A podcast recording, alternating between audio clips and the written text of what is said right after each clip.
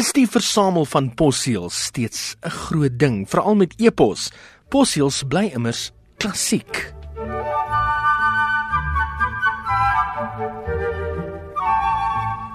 Die posseel is 'n uitvinding van die Britte Rowland Hill en James Chalmer. As 'n voorloper gebruik Hill vanaf 1837 kwitansies vir die vooruitbetaling van posgeld.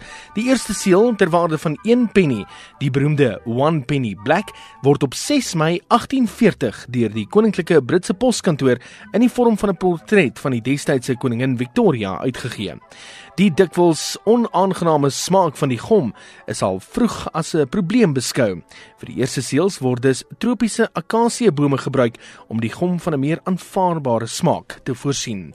Seelversamelaar Johan Ackerman. Daai seels is uh is uh, minder beskikbaar en hulle word duur, maar al die seels wat uitgekom het na die Tweede Wêreldoorlog is almal beskikbaar.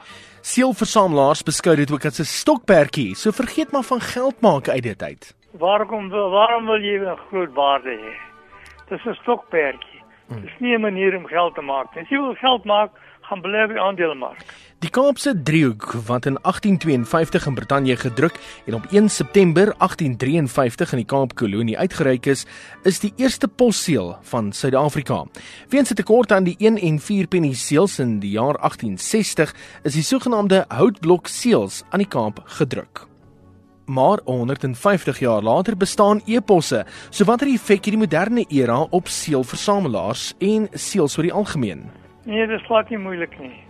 Uh die die heel nuutste seels wat hulle in Suid-Afrika uitgee byvoorbeeld, die die goed word vreeslik duur en hulle het nou hierdie goed wat uh self-adhesive genoem word. Ehm um, maar as mens uh, soos wat ek maak, meestal die seels versamel van na oorlog, na 1945 op tot in die jaar 2000. Die rede waarom ek dit doen vir die Europese seels is dat in 2000 het die het die euro ingekom. So voor dit was dit nog die die Duitse marke en die Franse franke, die Spaanse pesetas ensovoorts sien, die die die die die oorspronklike nasionale geldeenhede. Uh so maar maar dit is heel, heel maklik om dit te doen. Die Filanterie Federasie van Suid-Afrika wat in 1923 gestig is, speel nogal 'n groot rol in versamelaars se dag tot dag bestaan.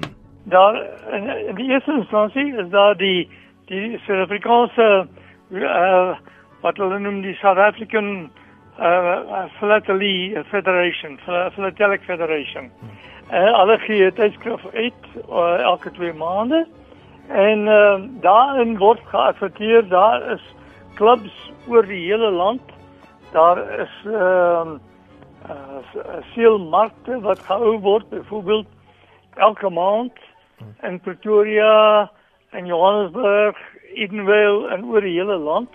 Dis uh, dis heeltemal uh, maklik om dit te doen. En die meerderheid seelversamelaars is wel ouer garde. Natuurlik is as ouer mense. Hmm Ehm uh, maar eh uh, uh, verlede jaar byvoorbeeld in die eh uh, uh, Afrikaanse hoër meisieskool in, in Pretoria het uh, het 'n uh, 'n versamelgroep gestig.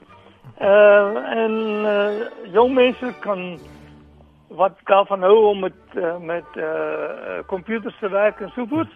Ja, al die inligting is deesdae beskikbaar op die elektroniese wyse seelversamelaar Johan Ackerman.